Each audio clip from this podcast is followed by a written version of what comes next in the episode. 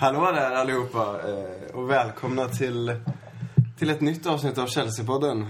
Det är ju avsnitt 20 och Oskar tyckte vi skulle fira det lite extra för en gångs skull. Så eh, det var därför jag skrek, eller viskade jubileum i början. Vi är fyra stycken idag. Det är jag som vanligt, Oskar som vanligt. Tja. Tja. Och Daniel är tillbaka igen. Hej, hej. Välkommen. Tack. Och Viktor är här också som vanligt. Yes. Hur mår ni? Är det småförkylningar på alla eller? Ja, men utöver det är det bra. Det har ju varit en riktigt bra vecka som Chelsea-supporter här med först segern mot Schalke och sen segern mot City och sen segern mot Arsenal. Kanon. En riktigt jävla bra oktober överhuvudtaget med sex segrar. Perfekt. Riktigt bra. Nio raka utan torsk. Åtta av dem är vinster. Ja, det är fan starkt. Ni är nästan bättre än perfekt. Ja.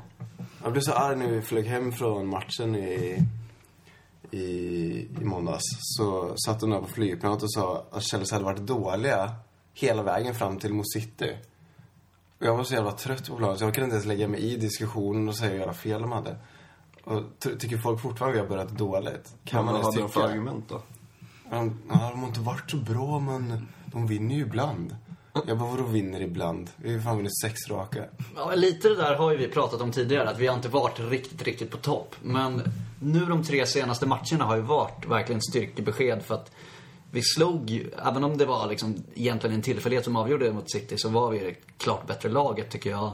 Och en imponerande bortaseger mot Schalke och en seger där vår B11 slog Arsenals någon slags mellanting mellan A och B11 ganska klart också. Så nu har vi, börjar vi få till spelet också känns det som. Ja, och det är ingen som säger att man ska börja säsongen bra. Alltså det är ju få lag som gör det och håller hela året.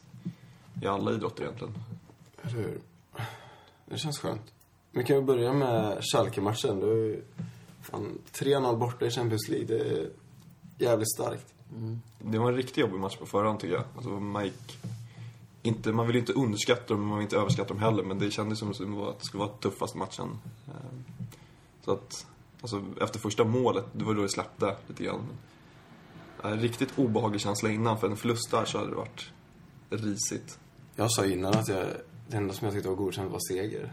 Du var nöjd med lika, men nu blev det seger. Ja, jag hade varit nöjd med ett kryss på förhand, men tar såklart hellre en seger. Men, och sen, som Viktor var inne på, vi var ju pressade inför matchen. Vi hade ett litet jobbigt läge, men nu helt plötsligt så har vi inte alls ett lika jobbigt läge, utan nu har vi ett väldigt bra utgångsläge för att vinna gruppen. Sex pinnar va? Eh, 8-2 i målskillnad. Det är ju ganska sköna siffror. 7-0 på två bortamatcher i Champions League, det är väldigt, väldigt bra. Det är nästan vad Zlatan gör själv. Just say. Nej, men vi har varit grymma. Det är kul att se att Torres har kommit igång också. Eh, Alla har ju förmodligen önskat det. Eh, Alla som inte har vänt ryggen så att säga än. Och eh, det väl bara tacka Mourinho. Vi antar, han måste ha gjort någonting, sagt någonting. För han var ju petad i början. Han gav ju två, tre, fyra matcher i rad. Sen så fick Torres några matcher och nu har han gjort mål. Du som inte varit med innan så många gånger, vad tycker du om Torres personligen? Alltså jag älskar, alltid älskat Torres, både i Atletico Madrid och tyvärr i Liverpool också. Så jag menar, eh, han, han är ju grym, han är en fantastisk fotbollsspelare. Han avgjorde UB17-VM tror jag, för Spanien back in the days på en straff. Eh, nej, jag har alltid gillat honom. Eh, har alltid med en Torres-tröja. En Chelsea-tröja med Torres på ryggen. Så att, nej, jag gillar honom. Men han har inte varit bra. Och jag hade, jag hade, jag trodde han skulle bli såld i sommar, faktiskt. Att vi skulle köpa in någon, typ Cavani. Men eh, när Cavani gick till PSG så verkade det som att han blev kvar. Torres har blivit så överskattad så han nästan är underskattad nu. Eh, Men det är kul att han inte är tillbaka till någon slags form som han visade stundtals förra året. Eh, Vi har säkert pratat om det många gånger. I cuperna var han ju grym så. I ligan var ju sådär. Men nu har han ju varit bra i sina senaste matcher. Han var ju bra mot Tottenham, sen fick han ju både utvisningen och avstängningen och han var väl skadad då också. Ja. Och sen nu de två senaste matcherna mot Schalke och mot, mot City här, där han ja, kanske planens bästa spelare i båda matcherna och gör tre mål på de två matcherna. Han gör ett assist och ligger egentligen bakom det femte målet på de två matcherna med sin löpning som öppnar för Hazard borta mot Schalke där och har två ramträffar dessutom. Alltså det är ju fantastiskt, verkligen. Jag vet inte hur ni känner, men varje gång Torres gör mål får jag någon sån här konstig känsla i kroppen. Att Man liksom ler och bara, ja, men typ kul för grabben. Jag känner inget personligt hat mot honom, utan han har ju, han har liksom kämpat varje match i princip. Han är ju inte någon som gnäller, han har inte gnällt på laget eller på klubben eller någonting. Så att han kommer från Liverpool, det är ju vad han ville därifrån. Det är ju det är väl inte hans fel egentligen. Han vill ju bara därifrån. Sen att han skriver på för Chelsea, det sticker ögonen för vissa, men de är ju fortfarande produkter i många ögon. Fotbollsspelare. Alltså de måste ju gå där, där kontrakten hamnar. Ehm, Han vill ju vinna också. Inte bara vinna på landslagsnivå. Och felet man har gjort kanske som Chelsea-fan och jämfört honom med hur han var när han var som bäst i Liverpool. Och då var han ju världens bästa anfallare. Det jag tycker inte man kan begära överhuvudtaget att han ska vara lika bra som... Men just mot Chalco City är väl första gången i Chelsea-tröjan som han har varit lika bra som han var när han var bäst i Liverpool. Och dessutom i två på varandra efterföljande matcher som är liksom stormatcher. Det är, som vi sa, vår kanske tuffaste match i Champions League-gruppspelet. Och det är ett möte mellan de två favoriterna till att ta hem ligatiteln. Så det är ju liksom inga, det är ju inte de här kuppmatcherna som man har bra i tidigare, utan det är de viktigaste och största matcherna. Ja, men just stormatcherna, det, där har jag varit helt värdelös innan. Speciellt förra året. Eh, och det var det jag tror att vi tagit upp det många gånger. Att vi saknar en anfallare som kan gå in och avgöra i de viktiga matcherna. Och nu har jag gjort det två gånger idag, så att det lutar ju mot något gott. Ja.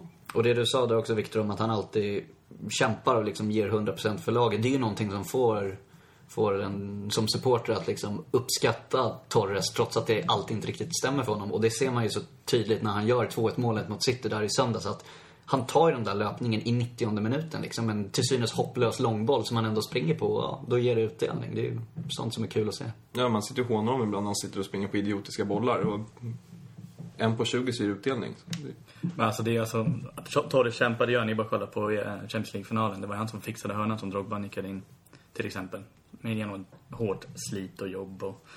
Ja, han krigar, det gör han ju verkligen. Så länge man håller käft och kämpar så kommer man alltid vara omtyckt. Ja, det är ju inte hans fel att han kostade 50 miljoner Nej. pund om man säger Och och, speciellt- och att han har de förväntningarna han Vissa har. spelare går ut och säger att de själva tycker att de är värda de pengarna. Men det har man inte hört från Torres så jag har svårt att tro att han själv tycker det är fett. Jag har ju hört att han var småskadad när han gick från Liverpool. Så att, skrev på ett fett kontrakt. Ja, två miljoner i veckan. Eh, nej men det är precis som Oskar säger, det är inte hans fel. Men jag såg någon statistik på vilka som tjänade bäst i Chelsea. Det var, det var Hazard som hade topplönen. Det är inte Torres längre. Jag vet inte om de har sänkt hans lön på något sätt. Jag har ingen aning. Nej, jag tror att Hazard är näst mest i Premier League eller något sånt där efter Jaja, såg jag någon lista på. Jag vet inte hur trovärdig den är. Det var ingen källkritik där inte, men... Nej, man vet inte riktigt. Med bonusar och sån jävla skit, det är omöjligt att veta. Men jag måste bara få flika in en sak om Torres. Alltså, som Erik Niva ofta brukar säga att alltså, Torres och till exempel Wayne Rooney, de har ju båda ungefär varit kända och bra sedan de var 17-18. Och de har liksom varit igång länge. Flera andra storspelare har kommit igång när de var mycket äldre. Så deras, alltså Torres har ju då 10 år på nacken, någonting sånt.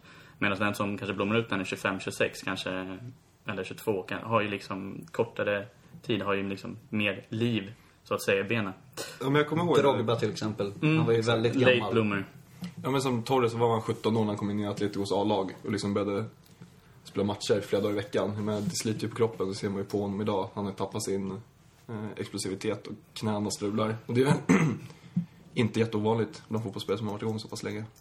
Men har han varit lite snabbare nu alltså? För han är ändå... Ja, lite. När han springer runt Citybacken där han spelar fram till uh, ett. Ja, precis. Schürrles 1-0 rundare, mål. Och när han springer förbi liksom Schalke-försvarare så här, det, Har han fått tillbaka lite av steget eller var det bara tillfällighet att han var, mötte en, en långsam back?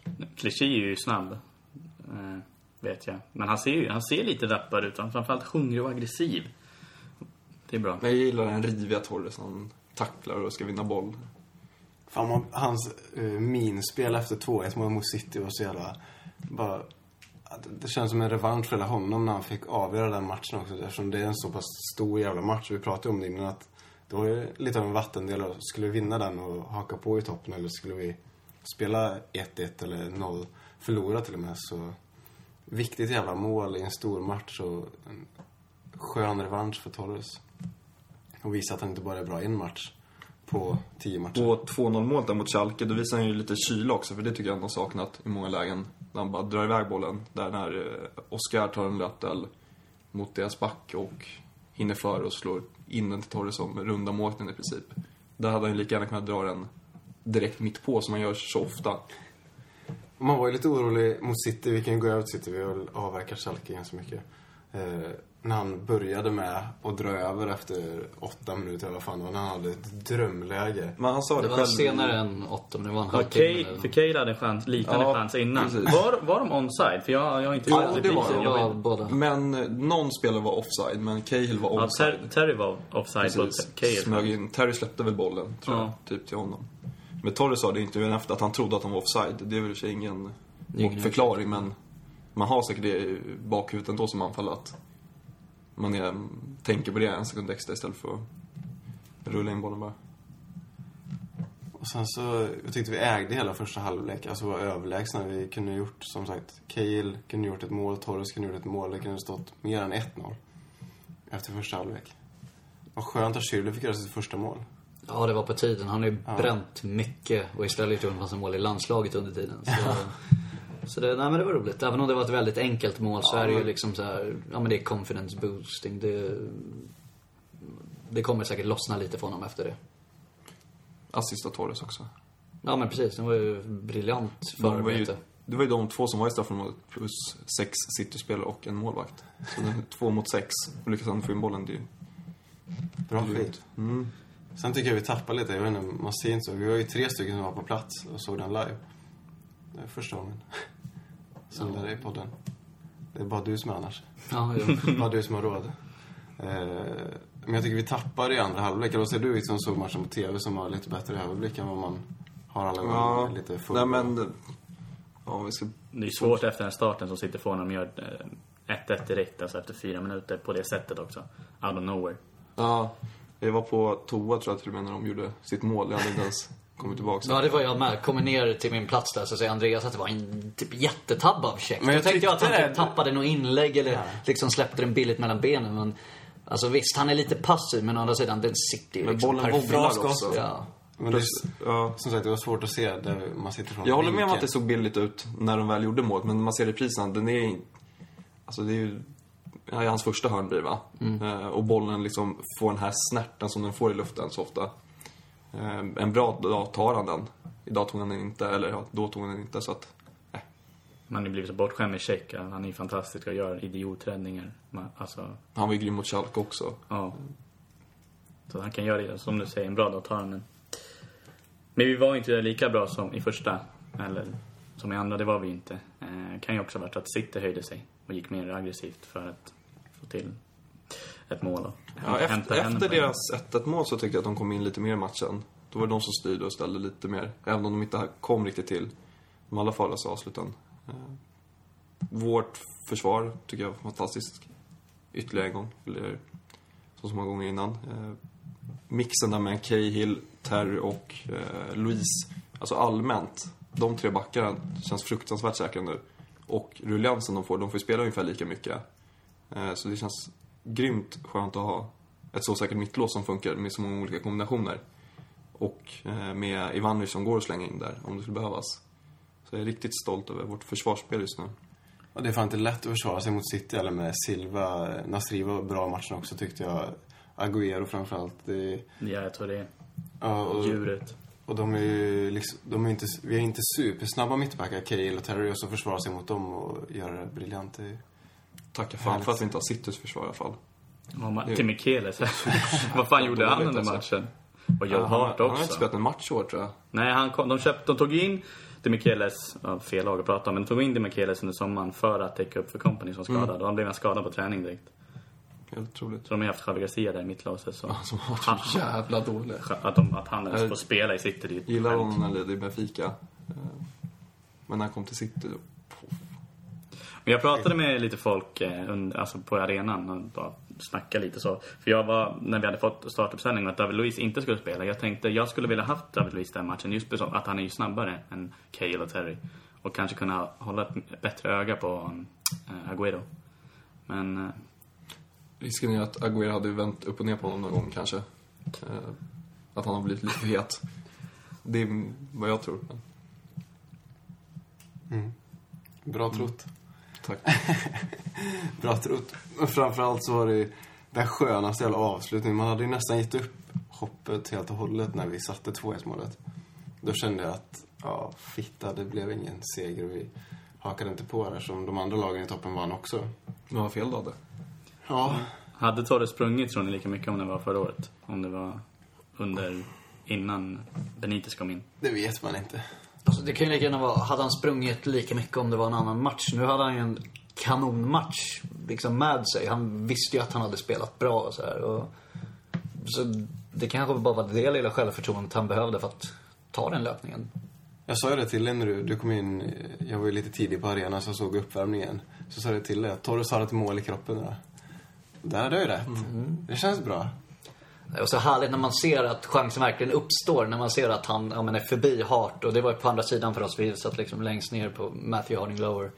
Och alltså den känslan, de sekunderna där. Det, Men när, vilken när fattade ni att det skulle bli mål? Alltså, Att Typ när den sitter i nätet eftersom det är på andra sidan. Men man ser ju vilken chans det blir alltså. för att på tv-bilden såg det ut som att bollen, jag var lite orolig att den skulle rinna ut över sidlinjen. Att han inte skulle, eller att vinkeln skulle bli för dålig så att han skulle lägga en typ burgavel eller stolpe. Det är så svårt att se då vi satt från hur långt det var till målet överhuvudtaget. Ja, det var ju inte Jävlar. mycket, jättemycket marginal. Men när den går in, vilken Ja. jävla eufori alltså. Det är Magiskt. Ja, riktigt härligt. Hela jävla arenan lyfte. Ja, taket lyfte. Vi har inget tak, men... Friends. Ja, fy fan vad gött.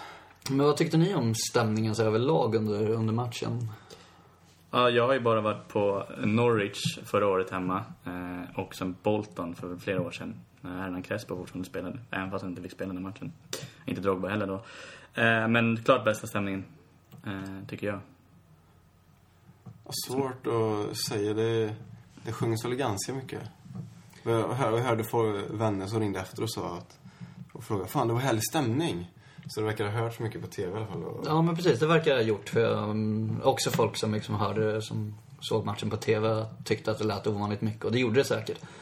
Och jag tyckte också att det var bra, men det var inte så mycket som spred sig till där vi stod. För om man ser liksom Shedend, den sidan, de hör igång väldigt bra. Både såg och hörde man från liksom andra sidan plan. Och från bakre delarna av Matthew Harding Lower. Men vi var på rad två som sagt. Och även om vi stod upp hela matchen så jag vet inte, det var inte riktigt så. Sångerna nådde knappt dit. Vilket är lite konstigt, men... Så ja, ja det var väl okej liksom. Bättre än många andra matcher, men... Skönt att vi inte blev utsjungna av City på hemmaplan. Ja, de lät inte mycket alls Nej, faktiskt. det gjorde de inte. Nej, så fort de började så började vi ännu högre så tystnade de. Så, så känns det hela tiden. Till skillnad mot hur det lät på Emirates i tisdags. Ja, Jävlar. var lite mer dominans från bortafansen. Det är, måste ju vara en av de största liksom, läktarkrossarna i England på, på ett bra tag. Det var fantastiskt att höra. Alltså. Det, Men hade jag varit Arsenal-supporter och sett att Bentner skulle starta, då hade jag inte heller gått på den här matchen. Eller sjungit. Fy fan. Det var inte värt 10 punden. Så Nej, helvete vad dålig han är. Så fick jag det sagt. Tack. ja, det var tur för oss att han spelade. Ja, Giro har ju varit jävligt bra. Nu har ju gjort mycket mål så... Man blir inte direkt orolig när man såg deras start. Man bara jävlar, nu kommer vi tappa in mål. Men ändå hade ju de ett mer ordinarie lag än vad vi hade. Vi hade ju... under- Tio ändringar från Ja. City-matchen. Ser man med byten och så, så över de två matcherna så hade vi 23 spelare. Vilket är hela A-truppen. Förutom van Ginkel som är skadad och Blackman som är tredje keeper. Alla andra spelade någon gång mot City eller Arsenal. Så till och med Kallas fick ju Precis, eftersom han kom in där också. Så. Ja, riktigt härligt. Och de hade väl ändå eh, typ en halv ordinarie startelva. Starten ju med så här Wilshere, Ramsey som var- Och Cazorla startar de med också. Cazorla och sen var det väl kanske några i backlinjen också. Ja, men man, spelade. man vet ju inte riktigt vilka, om de brukar köra Mertesacker eller om han är ordinarie eller inte. Men de hade Korselny och Vermalen i backlinjen och Vermalen är mitt ordinarie i år. Men Korselny, tror Korselny är ordinarie Han måste vara ordinarie, tror jag. Och så kör de ju Nacho Monreal som vänsterback istället för Gibbs. Som jag håller Nacho så mycket bättre än vänsterback alla dagar i veckan. Så att jag, konstigt att han inte följer med men det är ju helt oväsentligt men... Ja, de hade, slängde de ett ju bra in. Özil tidigt också och Giro kom in och... Så det var skönt. Skön seger. Kul att se den här Özil alla har snackat om. Synd man inte såg honom. Ja, nej, det var mycket väsen för ingenting.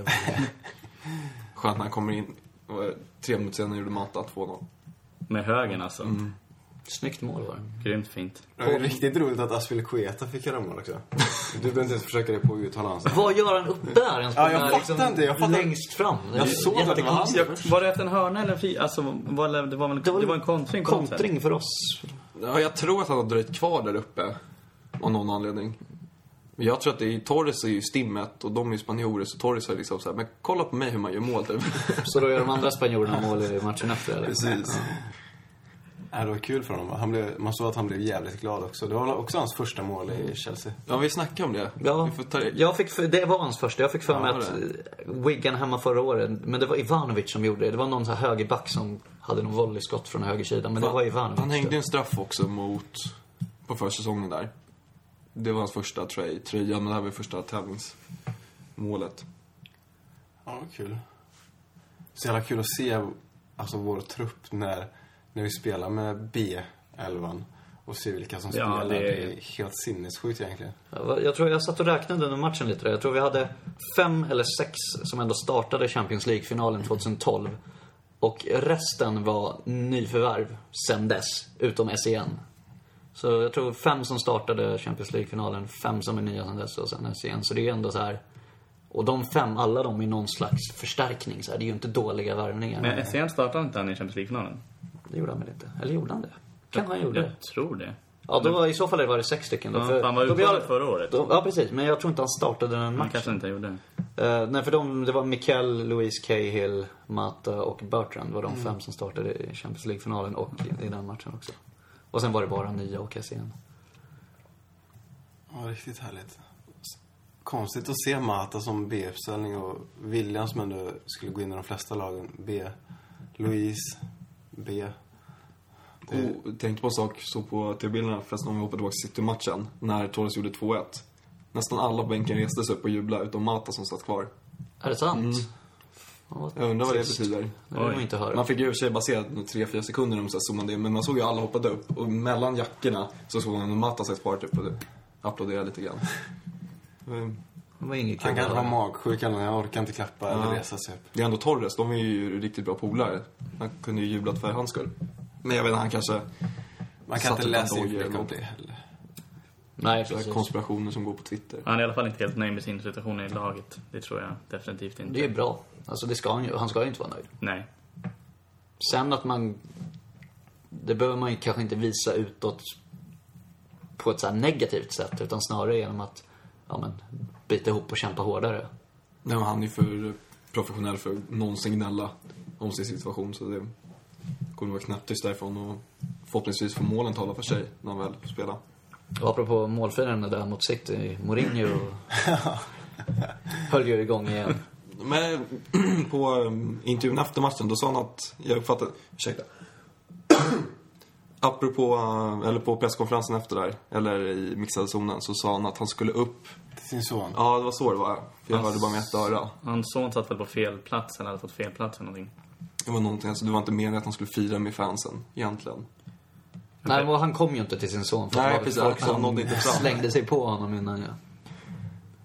Men, Pellegrini var i alla fall inte nöjd. Han skakade inte hans hand eller... Nej, just det. Så ingen jävla skönt.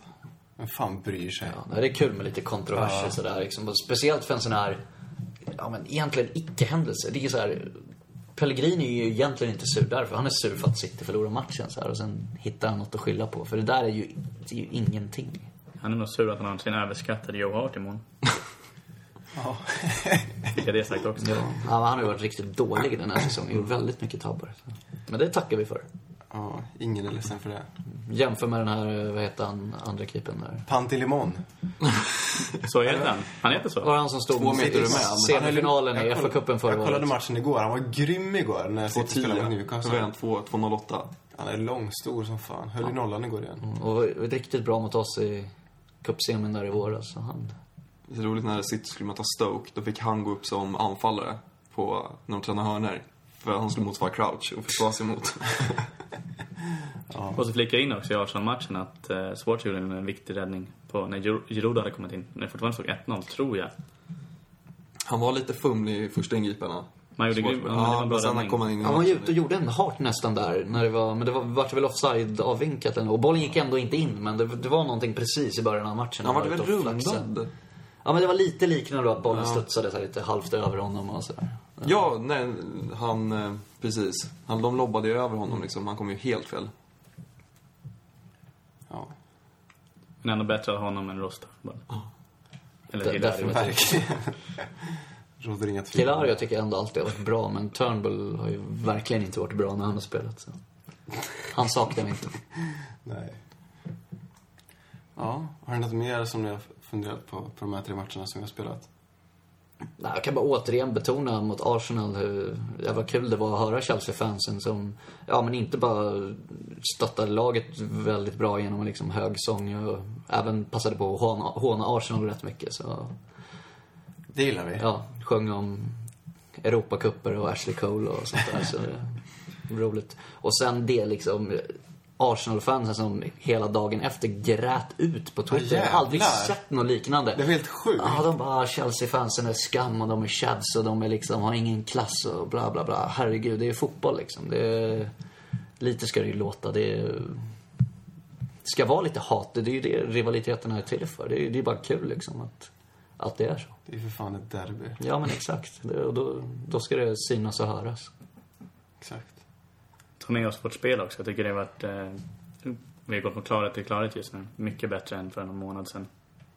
Men här, oktober, vi hade fyra bortamatcher och två hemmamatcher och vann sex. Vi vann allihopa.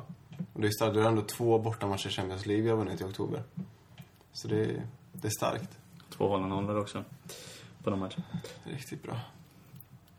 Men vi går väl vidare till, till vår kära lyssnare som har ställt en jävla massa frågor idag. Eh, så det är bara att börja och... Fortsätt med det. Ja, verkligen. Det var inget negativt. Jag tycker det är askul. Vi börjar med, med Dennis som skriver prata om Mata. Var det bara jag som blev alldeles lycklig när han dundrade in 2-0? Han ska bara vara på plan. Det var väl lite inne på att det var klart som fan det var roligt att han fick göra sitt första mål. Ja, alla blev lyckliga när, Ja. när den satt. Ja, Men det är alltså, det är, är han bättre än Oscar där inne i mitten? För det är där, det är där han kommer vill spela. Oskar har startat för bra för att... Det går inte att kritisera Oskar. Han har inte gjort en nästan en dålig minut. Eller klart, han har inte varit superbra till med grymt hög nivå. Men han, gjort, han, han ledde väl i interna skytteligan tror jag innan To- Torres mål nu. Han kanske fortfarande leder, jag vet inte. Fem mål har han gjort eller något, tror jag, Oscar. Så det, Jävligt bra. ja. Så vi får se när han kommer vara ordinarie. Ja, sen Hazard har ju också blivit Steppat bättre och bättre. ja. Så då, det blir tight kring platserna där.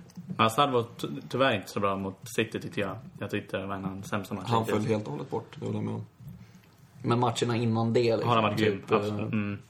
Schalke och vad var det för någon? Cardiff där framförallt. Härligt. Eh, Jonas skriver, era tankar om Torres och hans senaste prestationer. Hans självförtroende har blivit klart mycket bättre och han har till och med börjat löpa, löpa ifrån sina backar. Är centimeter från att göra drömmål. Eh, Då syftar han på nicken mot Schalke och skottet mot City. Är det Mourinho som har pumpat honom full med självförtroende eller något annat? Det tror jag är en jättestor del. Mourinho har pumpat honom. Mm.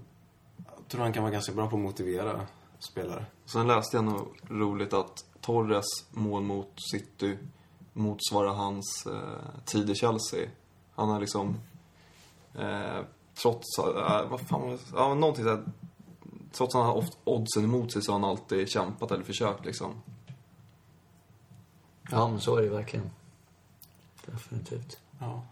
Vi har pratat mycket om Torres. Vi hade ägnat de första 15 minuterna åt honom. så jag, vi, lä vi lämnar det nu. Viktor har skrivit en kommentar som vi inte tar upp. Eh, Henry skriver, prata gärna om Mikaels storhet. Han har inte spelat så mycket, men han var ju fantastisk mot eh, Arsenal. Det är väl det han syftar på, antar jag. Jag tror, alltså kan ju också vara att ofta när Mikael spelar så är han ju väldigt bra. Han är bollskicklig som få. Alltså för hans stora fysik så tycker jag att han täcker bollen och han, han kan även slå en, en, del riktigt bra passningar. Och sitter en bra kyla i Ja. passande situationer. Spelar enkelt ut. Alltså, kan han ha börjat finta mer i trånga situationer än vad han gjort ja, förut? Eller- samba. Ja, samba Mikael. Kanske också är självförtroende från Mourinho, jag vet inte. Men det är ju också svårt där, för det, han, han konkurrerar ju med Lampard, för Rami- Ramirez för mig i alla fall, självskriven där på den e- ena defensiva mittfältplatsen. Och eh, Mourinho och Lampard har ju bra, bra relation och Lampard har ju inte gjort bort sig. Eh, men jag skulle vilja se Michele oftare, kanske bortamatcher mot topplagen istället för Lampard. Men det jag. Men som nu mot City, då kom ju eh, Mikael in med typ en halvtimme kvar eh, mot Lampard. Lampard. Och det är ju ett offensivt byte egentligen för att då får ju Ramirez gasa mer framåt. Så att han, det är kanske där vi behöver honom när, när man behöver stänga till defensiven med en spelare bara och kunna skicka, skicka fram en, ytterligare en. Men sätter vi 90 minuter mot ett mediokert gäng, då kanske inte vi behöver en offensiv och en defensiv mittfältare på samma sätt. Man är ganska nöjd nu att han inte gick till Galatasaray i somras. I facit vad som hände med Van Ginkel också. Ja, verkligen. Det har varit tunt på defensiva mittfältet. Ja, vi har ju S- vi har ju SCN också. Ja, han trampar på bra mot Arsenal också. Han slog ju inte många passningar rätt. Det har han väl Det gjort gjorde sig aldrig gjort direkt i Chelsea-tröjan. Men han hade verkligen fart liksom. Det var ju så här gamla bisonoxen, SCN igen. Kul att han fick vara kapten tycker jag. Det är han värd. Vi går vidare. Gustav skriver, går vi hela vägen i år i ligan eller blir det en formsvag period som visar sig vara ödesdiger år igen? Nightmare November. Vad tror vi? Vi har ju haft lite dåliga novembermånader förra året. Alltså förra säsongen så var ju allt frid och fröjd fram till nu ungefär. Det var ju precis i slutet, sista helgen av oktober som vi blev rånade av Klettenberg hemma mot United där och det var ju då allt vände och sen Di Matteo sen fick sparken. Så man kan ju verkligen inte ta för givet att det kommer fortsätta så här hela säsongen men det, Men man kliver ju in i november med en skön känsla. Med formen i ryggen. Ja, verkligen. Fortsätta rida på den här vågen ett litet tag till. Vi går vidare. John skriver, vad tror ni kommer att hända med Chelsea ifall Abramovic väljer att sälja klubben?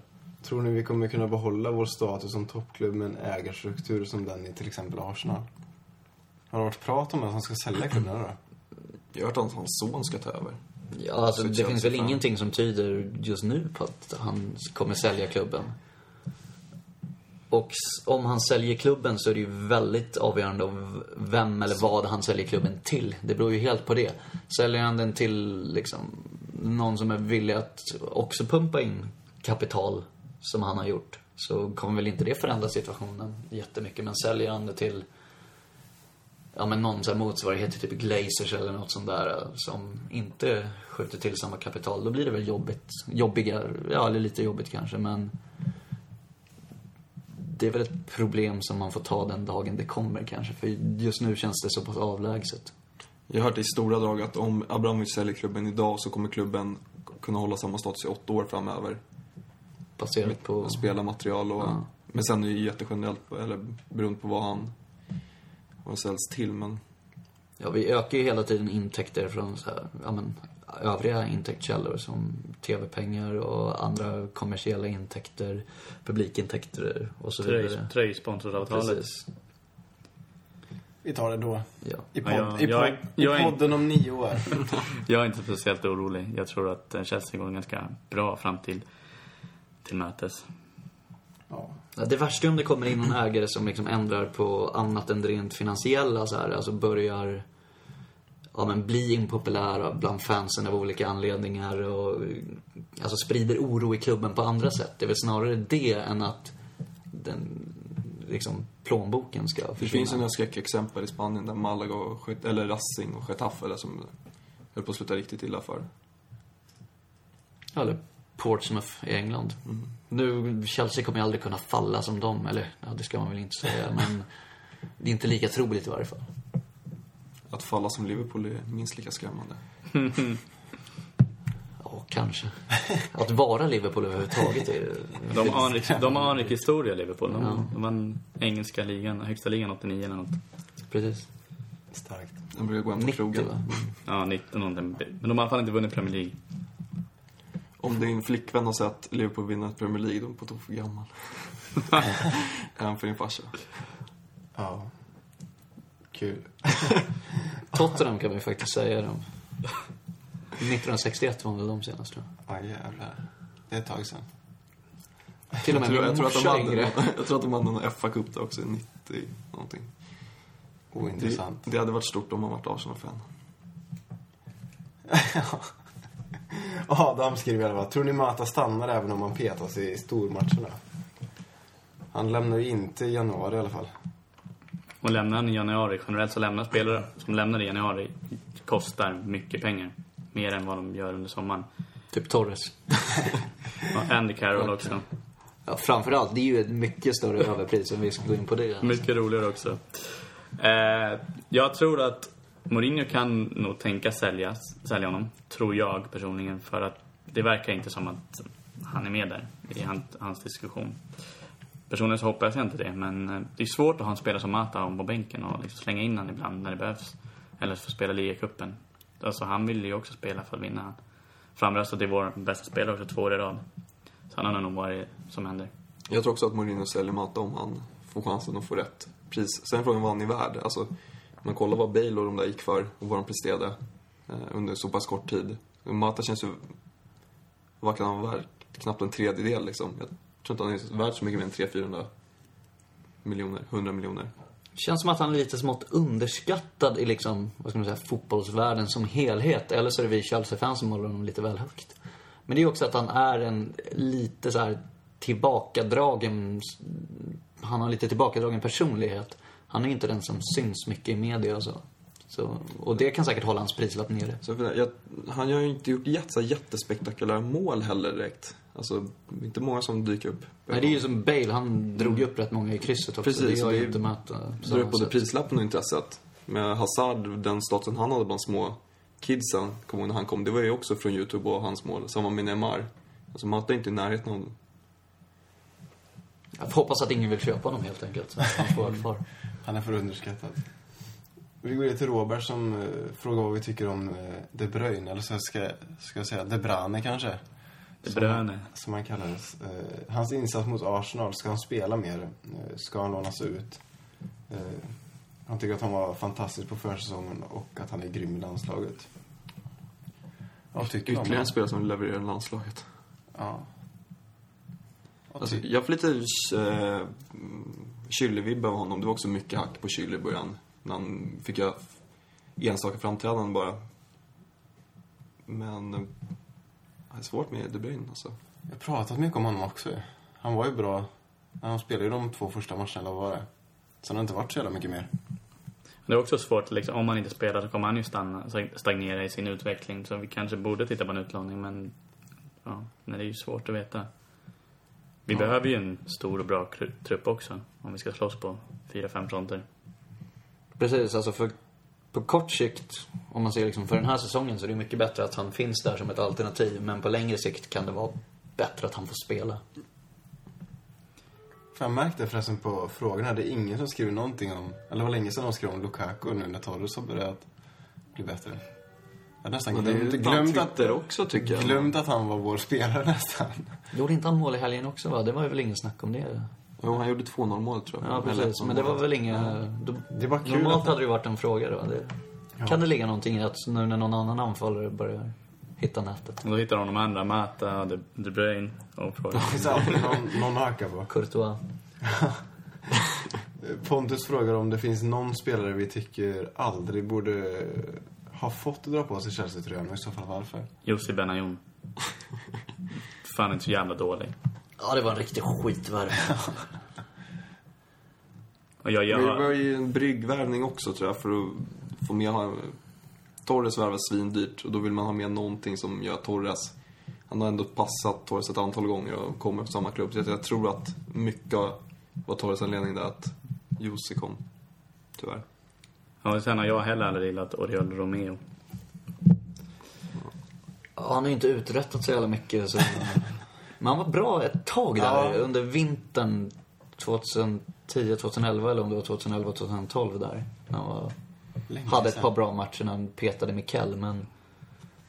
Det är väl ingen höjda Var det Di Matteo som började spela honom mer och mer? Nej, det var innan Di Matteo. Det var väl AVB? Ja, det var jag. det. Var det så tidigt med? Sen drog han väl på sig någon långtidsskada där. Och försvann.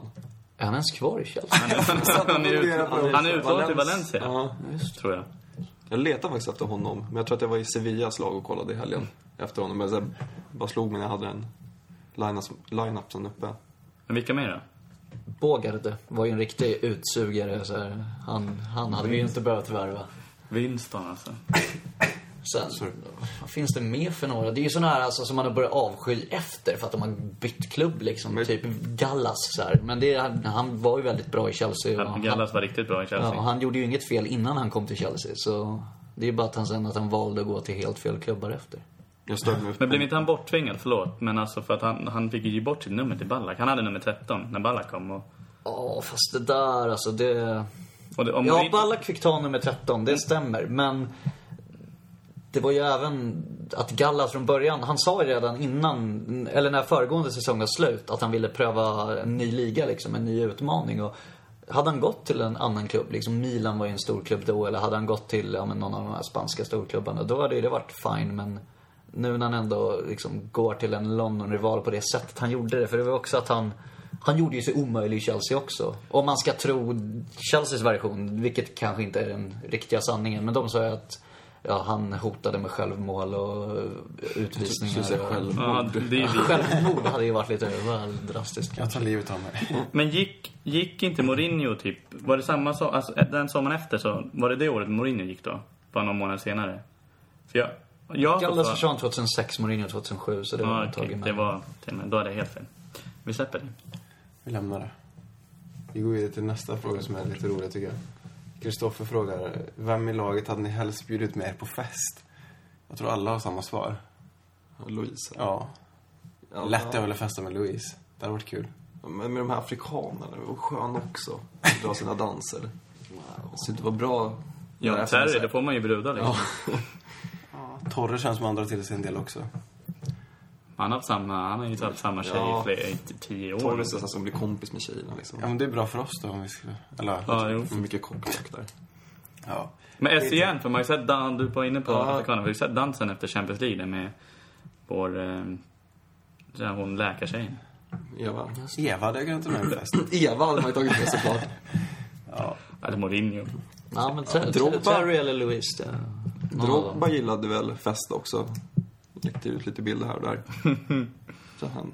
Dennis Wise om, och Jody Morris om de fortfarande hade varit kvar i Chelsea. Framförallt Jody Morris då. Det, det hade varit något. Hade du velat åka till Rumänien och festat med dem? Ja, då hade jag till och med åkt tillbaka till till Rumänien. Jonas eh, skriver om eh, Luke Shaw som är ett uttalat Chelsea-fan sedan barnsben. Hur ser ni på våra möjligheter att värva honom som Coles ersättare om något år? Och skulle han kunna klara av att gå in i ett storlag som Chelsea redan nu? Nej. Nej, inte nu. Inte som ordinarie. Nej. Och Cole kommer hinna lägga av innan han har mognat. Så det blir en ny Burton på honom i så fall. Eh, Ja. Men det där är svårt, för det finns, det verkar som att vänsterbackar just nu runt om i världen är lite, lite brist på. Jag, sett, jag såg den här frågan tidigare idag, så jag har suttit och tänkt liksom. Vi får Alltså- be till Gud bara att Ashley Cole håller några år till på hög nivå. Men det är ju inte så många år, tror jag. Nej. Men vänster, eller ytterbackar överlag, det är rätt slitigt. Det är mycket spring. De springer ju oftast närmare en mil per match. Med- skola om att spela Kueta till vänsterback. Ja, fast det gick väl sådär mot Schalke. Så det, Det var hans första match som ja, vänsterback. Kan Ivanovic spela där? det kan han säkert. Han är väl inte ens högerback från början? Han är ju egentligen mittback. Ja. eller? Ja. Jo, ja. Jag köper in Marcelo från Real Madrid. Louise då? Han brukar ju spela lite, kunna spela lite överallt. Kan han ju så här gå upp i planen, sen Han bryta in och skjuta. också, ja, ja. men, och skjuta med högern och sådär. Det kanske inte är så lite, dum idé egentligen. men lite långsam tror jag som vänsterback. Var det. Eller för långsam att få upp farten, sina älgkliven. Ja. Claes skriver, Traoré skrev på för fyra och ett halvt år. Vad tycker vi om honom?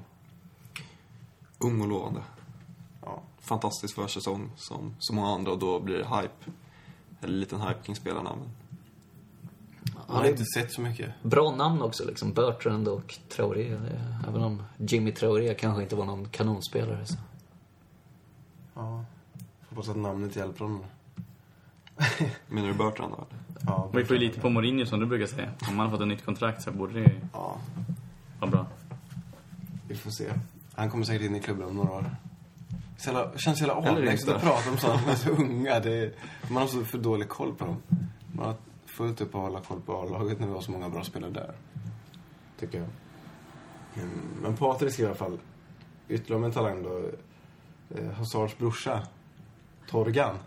Torgan. Hans framtid i klubben. eh, Han gör det bra i Belgien, men tror ni han är tillräckligt bra för att ta sig in i truppen?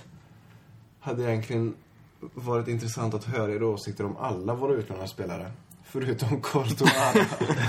Någon som har fattat grejen. Och nu när Traoré signad kan väl han vara värd ett omnämnande också.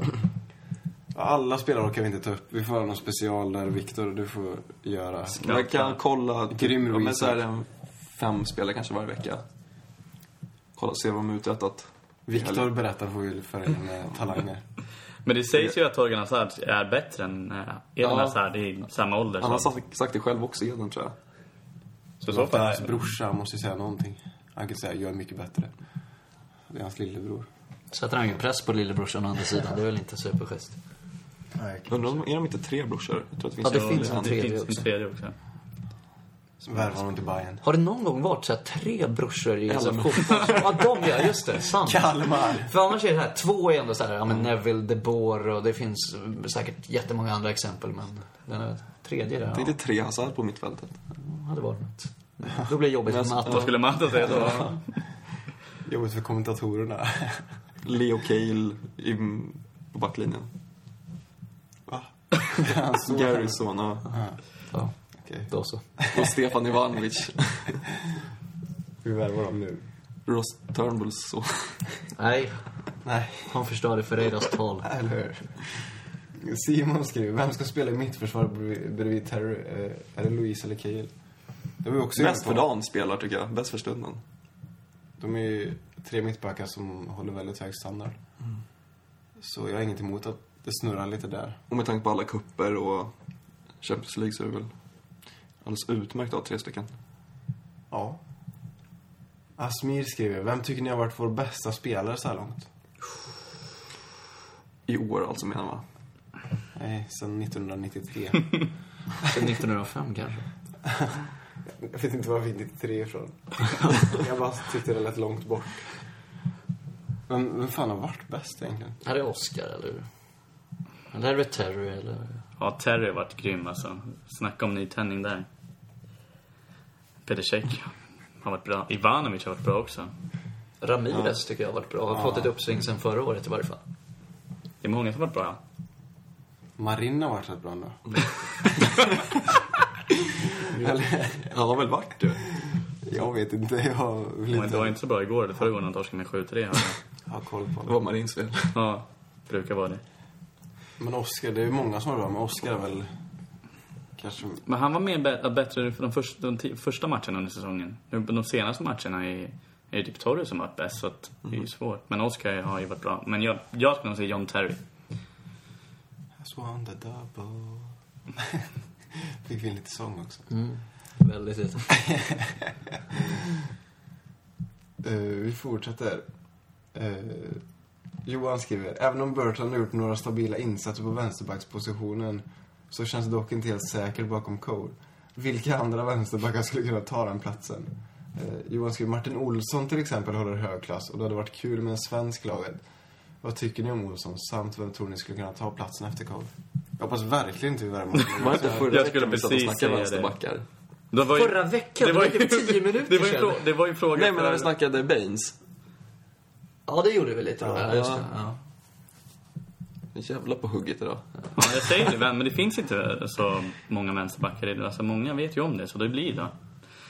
Marcelo skulle jag vilja köpa in i så fall, från Real Madrid. Han skulle man vilja fästa med också. Ja, han och Ruiz. Bra hår. William hänger med lite efter. Glömde honom. Fan. Bröderna Fluff. Vad var frågan? Vänsterback. Vi har pratat mycket om vänsterback. Martin Olsson vill jag... Nej. Men han, så han känns ju som en Bertrand. Alltså, för långt. Han är inte... Alltså, jag tycker Bertrand är bättre än Martin Olsson, men det är jag. Sen vore det jävligt kul med en svensk i laget. Rasmus Elm. Zlatan. ja, det finns inte så många att välja på. Nej. Vi har ju några i ungdomslagen. Han den här... eh, Jättelångt efternamn. Ali, ja, dels hans Sassa börjar på dubbel S i. Ja, Van Arnold också är vänsterback. Ja. Men jag tänker svenskar alltså. Jaha. Han är Eh, inte svensk. Nej, inte fan han. uh, och sen, vad heter? Ali Suljic eller något sånt där. Han är ju spelar i det här U17 svenska landslaget som har gått bra i någon turnering. Och han gjorde något mål också. Så. Spelar väl semifinal imorgon, tror jag. Eh, Qatar, va? Qatar. Ja, då får ni kolla på det och så får ni kommentera nästa vecka till podden. De fortsätter här på Chelsea. Gärna. För att slippa problemen med att folk vill att vi ska prata om Courtois tycker jag vi säljer honom och köper Isaksson. Får vi en svensk klubb då? Eller hur? Sen det massa problem. Det tycker jag. Mardrömsscenario. Så kör vi. Daniel skriver... Knäppte vi ihop den där frågan, eller? Ja, det gjorde vi. Daniel skriver sista frågan. In i mittfältet. Om Ramirez inte kan spela av någon anledning, hur blir det då? Lampard, Essien och Mikel finns då att tillgå. Blir inte in i mittfältet för långsamt och trögt då? Såg inte allt för bra ut när Lampard och Mikel spelade tillsammans och Essien är ingen speedkula direkt heller. När spelade Lampard och Mikael tillsammans under funderar. det? Ja, för Ramirez har startat alla matcher. Ja, jag tror det. Inte det. Kanske någon cupmatch han inte startade. Ja. Alltså han blev ju både inbytt och utbytt i en, en Ja, cupmatch. mot Swindon. Men då var det ju van Ginkel som startade. Det var ju han som blev, blev skadad. Men då kanske Lampard kom in och spelade med Mikael. Kan ju varit så. Ja, Alltså, de måste ju var- varit i Det var slutet. typ fem minuter åt ja. slutet. Men jag förstår vad han menar, men Essien var ju snabb senast. Men vi får väl hoppas att Ramirez håller sig skadefri. Det är väl det vi får hoppas på. Ja, när har... Mikael... Annars kan vi Jo! Spurs borta. Hemma. Nej, Borta. Ja, det var väl då de bytte i paus där. precis. Mikael mot Matt. Då eller vad spelade- det var. Och då var det en jävla fart på hela laget i och för sig. men. Eh, men det, det är bra fråga alltså. Annars har vi Louise som har gjort det skitbra. Det är ju också, han kan väl ta lite mer, han gillar ju att gå framåt så då kan man ju ha någon Lampard eller Mikael och så bredvid Louise. Ja, för tillsammans blir de ju för långsamma. Så då är ju frågan vad, om man bör gå framåt eller om man ska knyta ihop säcken bara. Det gör ju, alltså, jag tror att Oscar skulle kunna ta den positionen, för han är ofta ganska långt ner i planen. Ja, kanske. Men jag tycker också om Oskar på sittande mittfält. Vad tycker Oscar om Oscar? Ja, Jag tycker Josh om Oskar. han är bra. Ja, det är bra. Eh, men vad fan, tack för att ni gör av er. Som sagt, fortsätt med det. det ös på med frågor bara. Eh, så, så svarar vi så gott vi kan. Eller tycker så gott vi kan. Vi har väl inget slutgiltigt svar vi heller. Vi bara sitter och tycker. inte ofta. Men eh, det är väl dags för eh, en, eh, en av höjdpunkterna som jag säger varje gång nu, men det är det ju faktiskt. Eh, så eh, vi ger er Oscar berättar. Bring your Booker and Charlie. Just the crackers. Bring your Booker and Charlie. Just the the crackers. Bring your Booker.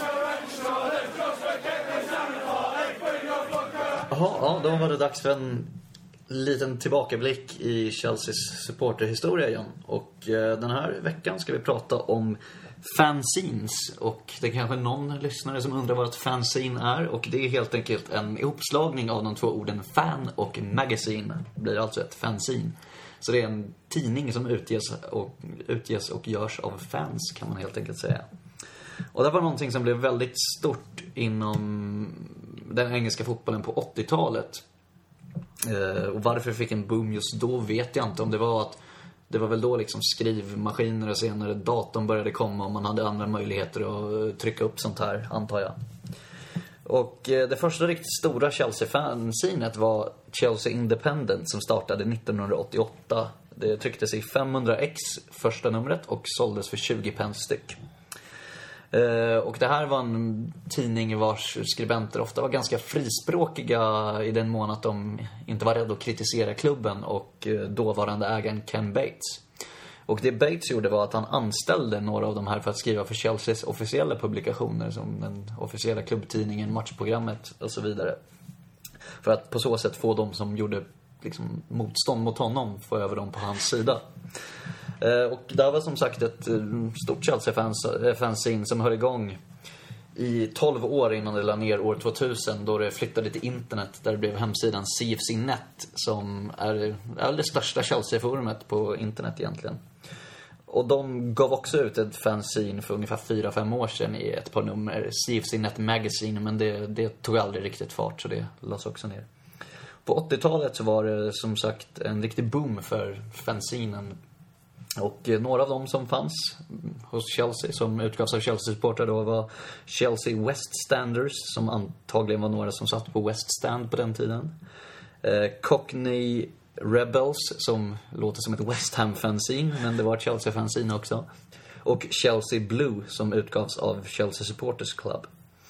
Eh, och ett annat fanzine som startade på 80-talet och eh, höll igång ända till mitten av 2000-talet och släppte över 100 nummer. Det var Red Card. Ett fanzine som jag vet att jag själv har haft någon kopia av hemma någon gång men eh, jag tittade lite hemma och kunde inte hitta det. Det var något nummer från 2002-2003 någonting. Det fanns även ett som hette Carefree under tidigt 90-tal och ett som jag inte vet om det var liksom samma som återupplivades. Men det kom ett fanzine som hette Carefree år 2006 men det höll igång en säsong eller någonting. Sen la det också ner. Eh, och det allra största Chelsea-fanzinet genom alla tider egentligen och framförallt nu är det som startade 1998 under namnet Matthew Hardings Blue and White Army.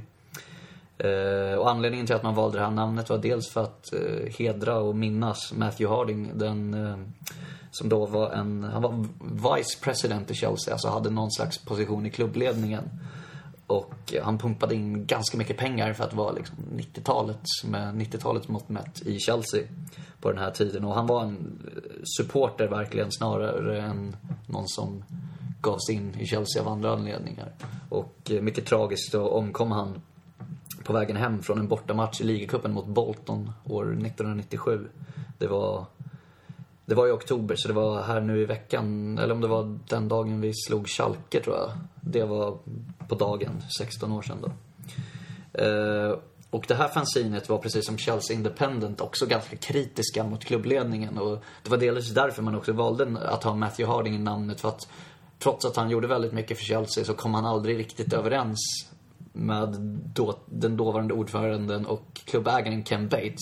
Det var liksom att Matthew Harding stod på fansens sida och Ken Bates liksom styrde klubben lite som han ville. Så det var också en liten protest mot Bates. Sen 2003 då, när Ken Bates sålde klubben till Roman Abramovich passade de på att byta namn från Matthew Hardings Blue and White Army till CFC UK Published in the Memory of Matthew Harding, som den heter numera. För det fanns inte riktigt det här behovet av att eh, ja, stå upp mot ägaren på samma sätt. Och eh, det här fanzinet säljs, eh, de gör 11 eller 12 nummer, någonting sånt per säsong. Så ungefär lite mer än ett i månaden eftersom det inte släpps någonting på sommaren när fotbollen inte spelas. Och eh, den som har varit på någon på Chelsea-match har säkert sett någon av försäljarna. De brukar gå runt och skrika “Hurry up is only a pound” för fanzinet kostar en pund, precis som det gjorde vid starten 98. Och de har även ett försäljningsställe vid Fulham Broadway mittemot eh, tunnelbaneingången och ingången till gallerian där, där de står och säljer fanzinet och böcker och massa annat. Den här trycks i 2000 ex i varje upplaga.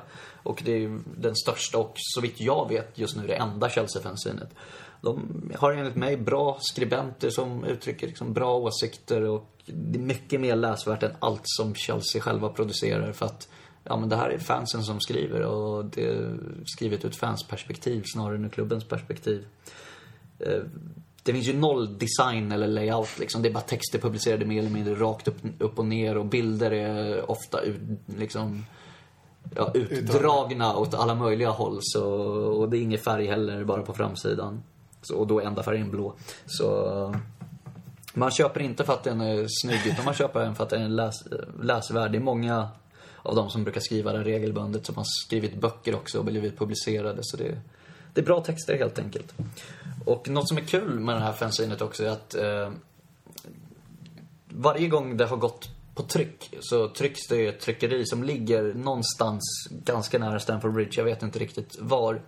Och eh, de matchdagsmånaderna när det är ett nytt fanzine som har tryckts upp så är det alltid en spelare som hämtar upp eh, fanzinet och några som jobbar för det eh, och skjutsar dem till Stamford Bridge på matchdagsmorgonen. Och de har en liten ligatabell då, vilka som leder varje säsong. Och eh, Terry är den som brukar vinna. Men jag tror Turnbull låg bra till förra gången och förra säsongen också. Så de för statistik över det där.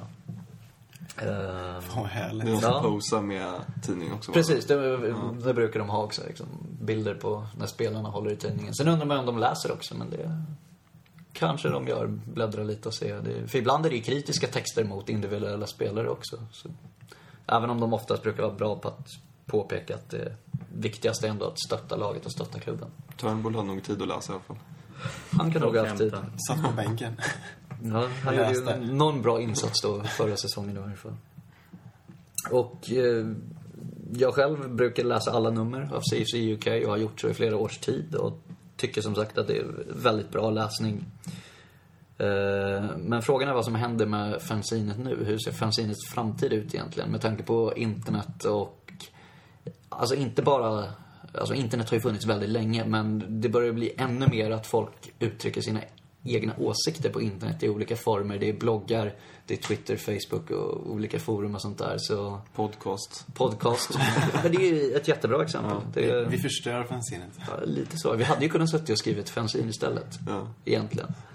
Ehm, så det är frågan om det. Jag hoppas på att CFC UK kan fortsätta leva så länge som möjligt för det är en riktigt schysst publikation enligt mig som alla Chelsea-supportrar borde, borde läsa. Det går att prenumerera och det är inte så himla dyrt även om man bor utanför England. Det är lite kostnad för portot där men tidningen kostar ju som sagt bara en pund per nummer så Nästa gång ni är på Chelsea-match så köp CFC UK om ni inte brukar göra det. Det är rekommendationen från veckans Oscar berättar. Tack. Bra. Kul att ta med folket på en historielektion. Ja, det brukar bli så. Ja, så jävla härligt. Man kan tro att vi är här på Liverpool. Ja. Jag tror inte det. Jag hoppas inte det. De har väl ingen supportrar 20 som kan läsa tänkte jag. Men vi får väl ta oss vidare i, i den här podden. Vi kommer att spela två matcher innan vi spelar in nästa avsnitt. Och vi har Newcastle hemma på lördag. Borta. Borta, menar jag. Eh, Newcastle som spelade igår, eller i förrgår, för som lyssnar mot City. Jag såg matchen. Och de såg väl... City hade ju en BL också. De hade bytt ut tio spelare, precis som vi gjorde i ligacupen. Och CC brände nog 100 lägen, men det var ju som sagt Pantelimon som stod i målet. så kan ha någonting med det att göra. Annars vet jag inte, det har väl inte gått så jävla bra för Newcastle den här säsongen. Nej. Tor- tors, torskade mot Sunderland eh, borta i derbyt då, i söndags. Eh, jag tror det är svårt. Alltså, han, är- det, de har ju dragit in så mycket spelare i Newcastle de senaste eh, en och en halv säsongerna kan man säga. Mycket fransmän och har inte riktigt fått igång allt. Alltså de har ju kvaliteter, absolut. De har ju mycket bra, många bra spelare. Men har inte riktigt fått igång det än. Jag tror att de aldrig kommer få igång det. Som. Nej, och jävligt dyrt att sparka en tränare också. Han är åtta år kontrakt. Ja. Han lär ju inte ta några nya jobb om han blir sparkad. Det är ju bara att sitta och Skönt. låta pengarna ticka Rulla in. in. Skratta hela vägen till banken. Eh, Men jag tror det blir... Tror fan vi kör över dem med tanke på... Gjorde inte CC jävla monstermål förra året borta? Mot oss ja. Ja. När vi torskade med 3-1, eller 3-2. Vi låg ju under tror jag. Kom ikapp. Ja, vi Vände med tre- till- 3-2 på. St. James. Jag tror att vi låg under med Våras. 1-0, vände till 2-1. Sen gjorde de två. Det var när Bas näsben gick av va? Precis. Men det här drömmålen och det, det var ju på Stamford Bridge. Bridge, ja. Men då- då förlorade- Säsongen innan. Ja, då förlorade vi med 2-0. Ja, Mm. Det var det året vi vann Champions League va? precis. Det var ju bara någon vecka innan där. Ja. Men som sagt, jag såg ju matchen igår. CC brände så jävla många lägen. Han har väl inte kommit igång heller. Då sätter han väl allt på lördag. Nej, det är väl Remis som har gjort deras mål framåt. Spelade han igår? Nej. Nej. Då vilades han förmodligen. Och Vad heter han andra? Som, Kabaj är ju också vass. Han är riktigt bra bössa. Så han får ju passa oss för. Alltså de har ju individuellt riktigt skickliga spelare. Ben Arfa på vänsterkanten. Ja. Nej, men jag tror vi kör dem. Vinner vi med 3-0 borta mot Schalke och 2-0 borta mot Arsenal så tror jag vi vinner mot Newcastle borta. Ja, tar vi tre poäng så är jag grymt nöjd. Ja, det gör vi. Sen är det match igen i Champions League. Och då har vi Schalke hemma. Det vänder ju nu. Vi mötte alla i gruppen. Och 3-0 senast, så vi vet ju lite mer hur det ser ut mot dem. kommer det bli en liten annan matchbild där. På bortamatchen så var ju de som var spelförande och två av våra- mål är omställningar. Så, och vi gjorde det väldigt bra. Vi gjorde ju en perfekt genomförd bortamatch egentligen. Men nu kanske det blir lite skillnad om vi förväntas föra spelet hemma på Stamford Bridge. Ja, precis att de ska kontra istället. De är ju fruktansvärt snabba på kanterna. Ehm, Jag tror till och med att de vann både skotten och boll, bollen mot oss. Spelar inte så stor roll när man torskar. men jag tror- Nej. Jag tror vi hade fyra skott och tre mål. Bra. Effektivt. Mm. Jag hoppas att Ivanovic plockar bort Draxler igen, som han gjorde i förra matchen. Så kan ju Kevin Prince få hålla på där uppe på topp och larva sig. KPB. Jag tänker bara på Gillette. Va? Utveckla. Nej, det är, jag vet inte, det var bara ett tråkigt skämt. Ja, det var ett, citat från när vi såg matchen på bryggeriet mot Schalke borta. Jag har fortfarande inte fattat varför, det var, det var jävligt roligt. Det var skåningen Tobbe som, Såklart. som var inblandad. Citatmaskinen. Vad sa han då? Det vet man aldrig riktigt med Tobbe. Vi behöver inte ta upp Vi det. får klaga om att vi svär i podden. och Det var många fula ord med. Okej. Vi skiter i det. Två matcher i alla fall som jag tror vi, vi kommer segra nu båda. Tror jag med. Det, vi fortsätter på vår winning streak nu och tar två till. Det ska inte bli någon jävla November Nightmare. Det är två, ja, det är två matcher som man, vi ska vinna, men man har ändå det här lite pirret i magen. Men Newcastle borta. Nej, du ska gå på huvudet, Ja, eller? nej. Det känns, det känns bra. Det känns Ja, ja. säkert nu tycker jag. Det, Newcastle borta tycker jag är värre än Schalke hemma. Håller med. Rent spel, alltså motståndarmässigt. Men det, känns, det är väl också för att Newcastle har slagit oss under de senaste åren. Lite här och där.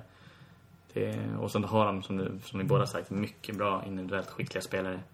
Så jag, jag tror vi vinner, men eh, jag är inte lika säker som jag var mot Schalke borta till exempel. Av någon konstig anledning. Eller mot Cardiff hemma. Även fast när det blev 1-1. Jag är Nu har vi jinxat bra, så att nu... Ja, precis. Nu får jag, får jag Tycker ändå att den här känslan som man har nu efter sex raka serier, den här känslan man har väntat på ska komma. Tycker jag hela tiden. Frå- eh, Från det att Mourinho tog över så har man väntat på att det ska börja kännas så här som jag känner nu i alla fall. Att man har lite harmoni i kroppen. Äntligen.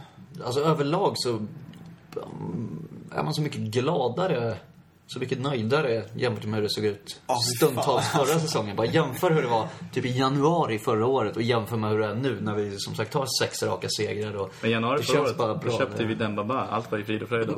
Ja, i en match mot Southampton borta i cupen. Ja, Och något omspel mot United. Nej, det var en jävla drömmål också. Följdes upp av att åka mot Swansea och torska mot QPR. Jävlar! Prosit. Tack! Höga ljudvågor nu. Får nog klippa bort det här. Om det går. Jag tappar rösten. Jävlar. Äh. Så! Jag är tillbaka. Jag är tillbaka. Men Oskar, någonting från CSS då? Är det något nytt? Nej, det är väl bara att hälsa allihopa som inte blir medlemmar än att bli medlemmar. Och sen, ja, kan vi också säga att eh, när vi såg matchen på bryggeriet här mot Arsenal i, i häromdagen, precis i tisdags var det, så var det en kille som kom dit som hade lyssnat på podden och hört om våra samlingar på bryggeriet. Och det var väldigt kul. Och du är välkommen tillbaka och alla andra som vill dyka upp också.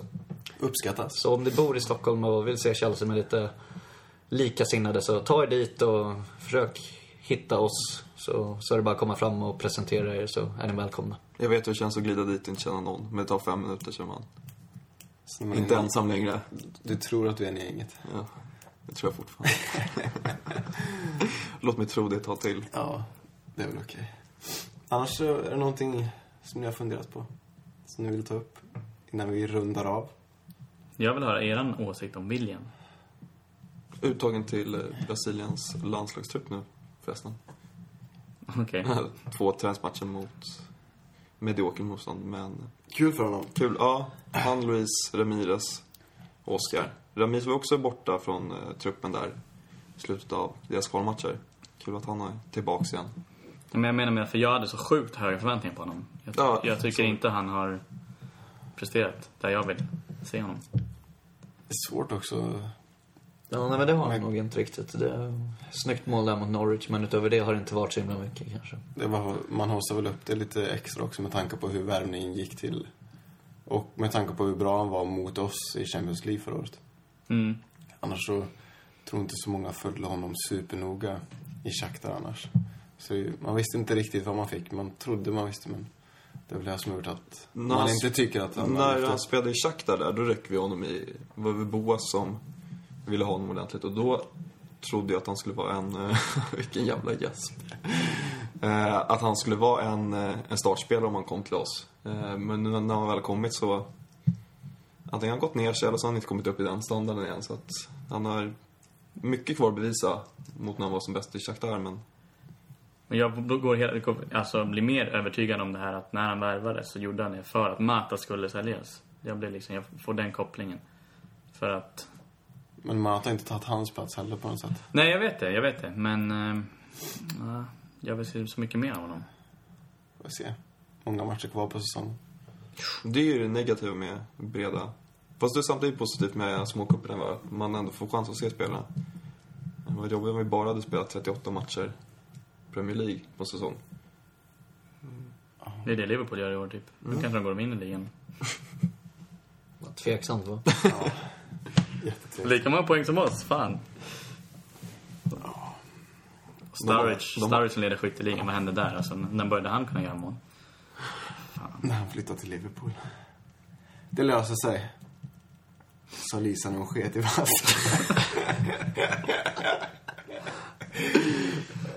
det löser sig. Vad tycker ni om eh, när Hazard och, nej, William, William och Hazard spelar tillsammans? När de kallas Wizard. Det är lika jävla... la- Det är larvigare än?